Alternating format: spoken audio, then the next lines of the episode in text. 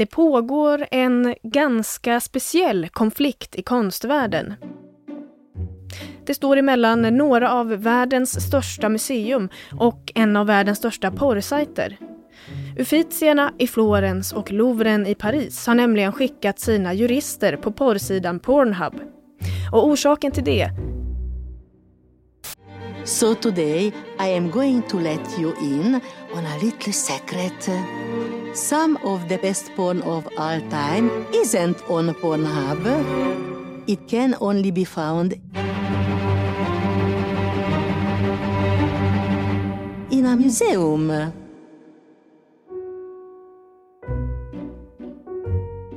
Ja, det där var alltså från Pornhubs reklamfilm för sin nya satsning som de kallar Classic Nudes. Och det är en interaktiv guide som ska hjälpa folk att hitta till naket innehåll som finns i de stora museernas samlingar. Och förutom det så har de också producerat porriga parafraser av vissa klassiska målningar där de låter de berömda motiven komma till liv i erotiska gestaltningar gjorda av porrstjärnor. Ni känner kanske igen Sandro Botticellis målning Venus födelse.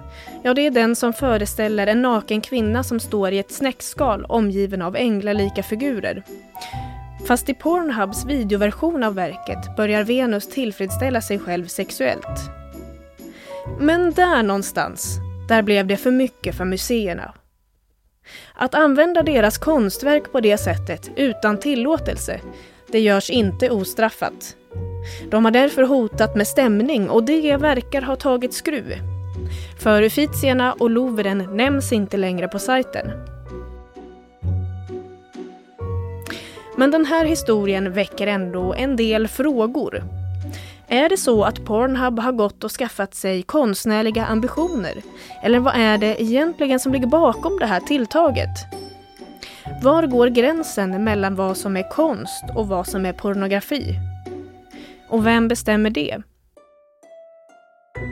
Det pratar vi om i dagens avsnitt av Aftonbladet Daily. Jag heter Liv Elgenklöv. Och med oss idag för att reda ut den här frågan har vi Elina Panke från Aftonbladets kulturredaktion. Och hon får börja med att reagera på nyheten. Jag reagerade som så att eh, jag tyckte att det var ganska roligt när jag läste om det. In, eller ja, det är ganska kul att tänka att det liksom är så franska staten som, ska, som är upprörda över Pornhub. Eh, som då har tagit fram den här appen där man kollar på olika kända nakenmålningar och eh, där de har gjort om det till olika videos typ. Så min första reaktion var nog, ja vad skojigt typ. Kul gjort. Men varför har de gjort det här? Nej men jag tror att Pornhub har gjort det här för att komma ifrån en annan nyhet som, som kom fram om, om, om den här sidan för inte så länge sedan som handlade om att eh, Pornhub har dels eh, lagt upp mycket video, videos som föreställer våldtäkt. De har publicerat en massa hämndporr på sin sida. De har också exploaterat barn och det, det gjorde att det inte såg så bra ut för det här kommersiella företaget som det ändå är. Eh, och i samband med det så, eller liksom strax efter när det var corona, när corona kom, så började Pornhub dela ut gratis kirurgmasker till en massa människor. De började, de gav också folk eh, gratis eh, premiummaterial på sin hemsida, alltså de låste upp sidan för alla. Och det tänker jag att de gjorde för att komma ifrån eh, den här stora nyheten om, om liksom hämndporr och så. Jag tror inte att de liksom eh, är ute efter att vidareutveckla konsten så. Men eh, det, det, tycker inte jag de behöver göra. Sen, alltså man kan se det som att det är en tolkning av de här konstverken och det, det gör de ju. Och jag tycker att de gör det på ett kul sätt. Men jag tror inte, alltså det är inte heller som att de påstår att, att de har någon konstnärlig ambition utan snarare att kanske att konsten har en erotisk ambition. Man, man kan ju tänka att eh, det här är någonting som ska tillgängliggöra konsten för flera. Eh, en ny publik. Eh, jag vet inte. Jo men det tror jag att det gör och liksom det, det är ju det som också är det roliga med det. Att förutom de här ehm, då små videofilmerna de har gjort utifrån Alltså de ser ut, det ser ut typ så här att det är en app som är så här snyggt gjord som så här, den ska liksom inte påminna om så här hardcore porr mm. utan man ska gå in och det ska se lite snyggt ut och så här så kan man typ gå in i museet via en interaktiv karta och så går man in och ser så här till exempel Gustav Courbets målning Världens ursprung tror jag den heter. Som är liksom ett sånt målat sköte och sen så typ fortsätter berättelsen i en film. Um, men eh, jo, men jag tror absolut att det kan tillgängliggöra konsten på ett sätt, men eh, sen kan man ju liksom, det beror på vad man tänker att konsten ska vara, för jag menar, det här är en tolkning av det och så här, det är Pornhubs tolkning, kanske kan det öppna för att man har egna tolkningar också, men det de gör på ett sätt är ju liksom att skriva ut vad vi ska tänka om de här erotiska målningarna. Varför blir eh, de här museerna, varför blir de så upprörda och hotar med att ta lagliga konsekvenser? Enligt dem själva så handlar det om upphovsrätt. Ehm, jag tror inte att det handlar om upphovsrätt. Jag tror, jag tror det handlar mycket om sexualmoral och att de tycker att eh, Pornhub är trash, typ. Ehm, det är liksom Uffizierna i Italien och eh, Louvren i, i Frankrike som har hotat med att stämma Pornhub. Och eh, det är inte som att det inte finns här kända målningar där som har använts i tusen sammanhang tidigare utan eh, folk gör väl eh, lite allt möjligt med typ Mona Lisa. Alltså, så att eh, jag tror absolut att det handlar om vad de gör med målningarna snarare än att de använder dem. Um, så att ja, det är en spännande, det är en spännande strid. Men eh, kan de inte se det som eh, varför ser de inte det som eh, gratis eh, PR och att det kommer komma fler folk till museerna? Ja, alltså om man ska sätta sig in i så här eh, marknadsföringspsykologin här så kan man ju också på ett sätt tänka att en del av marknadsföringen har ju också legat i att de har hotat med att stämma Pornhub. Alltså det blir väldigt meta, men liksom många fick ju reda på att de här videosarna överhuvudtaget fanns för att det kom ut en nyhet om att Louvren då planerade att stämma. Så jag menar, antingen så är det som att de har liksom tänkt hela varvet runt i, i PR-grejen. Eller så är det bara att, att så här, jag vet inte heller hur liksom um, hur stort behov typ världens största museer har av att liksom den typen av PR. Alltså jag tycker att det är kul för att det är så här, det, jag har inte liksom haft så mycket relation till de här bilderna innan och, så att det är så här, det kan ju nå nya personer. Men eh, från konstvärlden så vet jag inte om de liksom själva är sugna på den typen av marknadsföring. Hur har det sett ut då historiskt? Har vi haft några liknande sådana här uh, konflikter? Det är väl inte första gången som det uppstår kan jag tänka. Nej, det är absolut inte, alltså så här, nakna kroppar har ju alltid skildrats, eller liksom, det är så här, den antika skildringen av kroppen.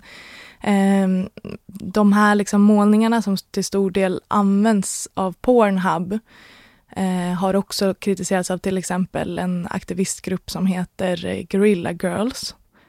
Eh, de pratade om det här i slutet av 80-talet.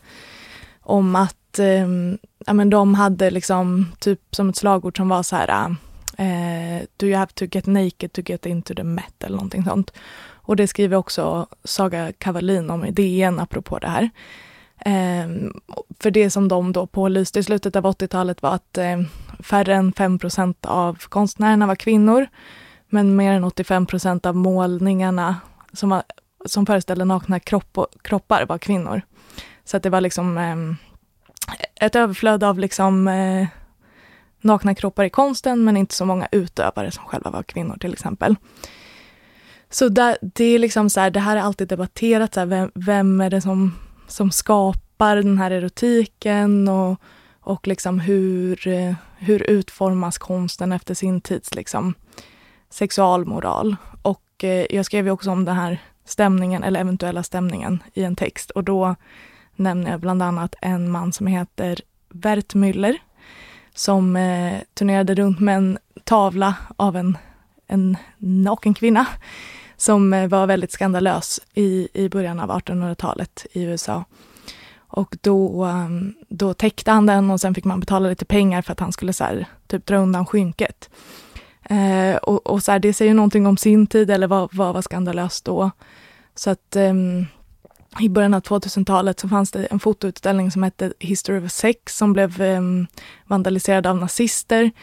Um, så att jag menar, hur vi förhåller oss till den nakna kroppen kommer alltid att vara en konflikt beroende på liksom vilka strömningar som finns i samhället. Och här eh, tror inte jag att liksom gemene man är så kanske upprörd över vad som har hänt med de här konstverken, men däremot så kanske den franska staten är det. Men det här med att pornografi, kommersiell pornografi och klassisk konst lite grann korsbefruktar varandra, det är alltså inte nytt utan fanns redan på 1800-talet, kanske ännu tidigare. Men just det här tilltaget som vi ser nu, hur ska vi tolka det? Vad säger det om, om vår samtid? Ja, alltså det kanske säger någonting om så vem ska äga det här liksom. Och då har vi en så jättestor kommersiell aktör, en av världens största hemsidor, Pornhub. Och sen så har vi en liksom eh, ganska trög startad fransk stat som liksom, eh, alltså jag menar så här, jag vet inte om någon av de här representerar det goda eller det, den konstnärliga eller så. Jag vet inte. Men liksom i just den här konflikten så är det så här, ja, vem ska man heja på? Kanske ingen av dem, för jag vet inte om någon är ute efter att bevara konsten eller estetiken eller liksom de radikala möjligheterna med typ erotik. Utan eh, man ska nog se det som någon typ av liksom privat jätteaktör möter liksom en eh, ganska konservativ stat. Vilka kommer gå segrande ur det här debaclet? Ja, alltså Pornhub har ju på ett sätt eh, vunnit extremt mycket publicitet, så att de, de har ju vunnit det. Men eh, det verkar ändå som att eh, kanske eh, Louvren har eh, vunnit till viss del, för att de finns inte längre kvar på den här appen. Det är borttaget. Så att liksom, eh, de kanske har eh, vunnit sin egen strid, men sen är frågan vilken strid alla vi andra för. Och då kanske det är intressantare att prata om så. Hur, konstens uttryck, vem är det som ställs ut? Eh, typ hur utformar man konst, hur utformar man porr, vem gör det hur? Eh, och eh, där tror inte jag att, eh, att liksom debatten är slut eller att eh, vi har någon segrare överhuvudtaget. Utan det får vi fortsätta prata om på kultursidan. Men det, frågan har ju blir ju aktuell här, att man börjar fundera, för uppenbarligen finns det en slags eh, skiljelinje mellan det här är pornografi och det här är erotisk konst. Men har vi kommit närmare någon slags svar på den frågan? Gränsen mellan pornografi och konst? Nej, jag tror att det handlar om mycket, eller liksom, det här visar ju att det som kanske ofta bestämmer det liksom vem som gör det. Det finns till exempel liksom, det finns ett museum i, som jag tror ligger i Tyskland som bara handlar om typ så här porr i konst och så här, det är jättemånga konstnärer som har lånat från den världen, tänker jag. Och sen är porren i sig ofta liksom extremt färgad av sin samtid. Det är inte heller någon, även om det kan vara så här, man kan tycka att det händer radikalare och eh, flippigare saker i porren ibland än i konsten så är det också res ett resultat eller en spegling av samhället vi lever i. Så att eh, jag tror att de kommer fortsätta låna från varandra, de världarna. Och sen tror jag att så här, det, som, det som anses vara konst har mycket att göra med vem som, vem som säger att det är det. Och eh, vem som lyfter det som konst. Vad tror du om framtiden då? Är det här någonting om 10, 50, 100, 200 år? Kommer vi ens att minnas det här? Eller är det någonting som fastnar i konsthistorien? Alltså jag tror att det kanske kommer fastna som en del av berättelsen om de här verken. Jag tror inte att det kommer fastna för att liksom Pornhub i sig har gjort någonting så himla speciellt som konstnärer aldrig har gjort innan eller som liksom porrskapare aldrig har gjort innan. Alltså jag tror inte att det är som sådant de kommer göra ett avtryck utan då snarare för att liksom de hamnade i den här konflikten med Louvren. Och kanske kommer det vara en del av utställningen någon gång i framtiden. Det säger alltså Elina Panke från Aftonbladets kulturredaktion och det får avsluta dagens avsnitt av Aftonbladet Daily. Jag heter Liv Elgenklöv. Tack för att du har lyssnat.